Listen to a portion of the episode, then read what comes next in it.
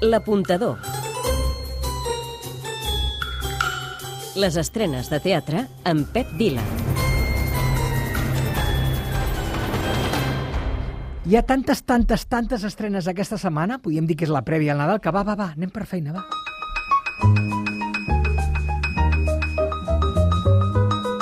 El Romea va ser l'aparador de l'èxit que va tenir ell en la seva primera obra teatral.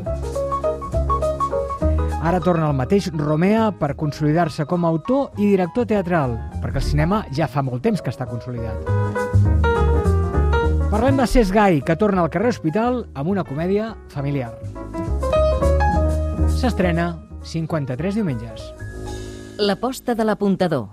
Tres motius per veure-la.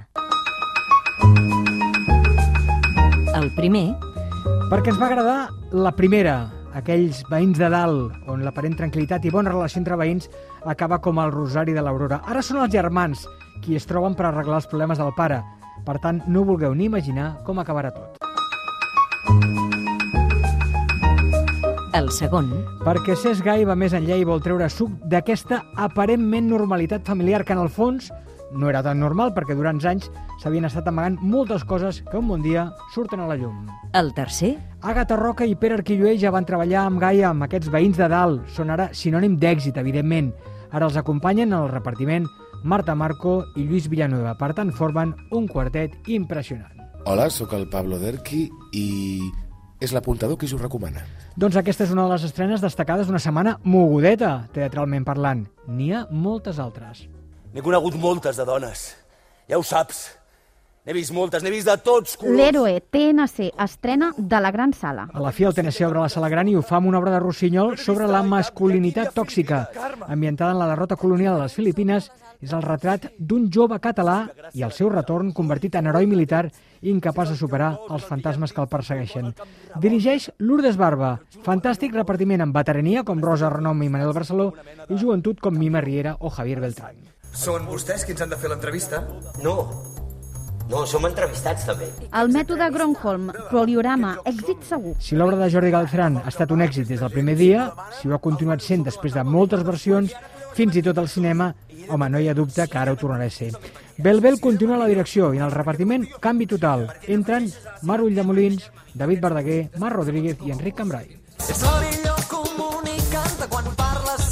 El Màgic Dot, Condal, una interpretació moderna del clàssic. L'objectiu del musical que dirigeix David Selves és actualitzar els personatges, conscienciar l'espectador, per exemple, el canvi climàtic, i combinar gèneres musicals, des del trap al melòdic passant pel hip-hop. Per tant, veureu la història de Dorothy, que amb el seu gos Toto viatja des de Texas al món màgic d'Oz, però d'una forma modernitzada. Recordar aquest moment quan hagi passat tot, per no oblidar tot el que m'has dit. Perquè quan en un futur es banalitzi... La segona Eva, tan tarantana, el retorn de Marta Aran. Diria esperadíssim, després de guanyar Aran el Max com a millor autoria, revelació per als dies mentits, ara fa uns mesos. És una història de ficció basada en testimonis reals de dones objecte d'agressions no físiques que sembla que no es puguin denunciar perquè no es poden provar. Júlia, tan tarantana, l'enverinadora més famosa. Júlia Tofana tenia un producte estrella, tenia un beuratge que venia a les dones que volien acabar amb els seus matrimonis no desitjats. Per tant, Júlia era responsable de la mort de més de 600 homes. Podíem tocar el cel i, i acariciar la llum. Si això és un cavall, gaudir teatre.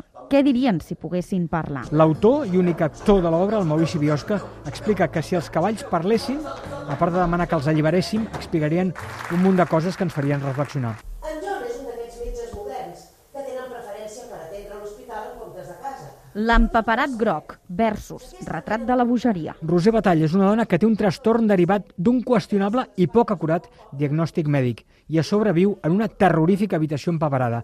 És un relat de Charlotte Perkins Gilgam, considerat una de les peces claus de la literatura nord-americana del segle XIX, així com una punta de llança de la literatura feminista i sufragista de la seva època. Això pel que fa a les estrenes. També aquesta setmana reposen coses interessants.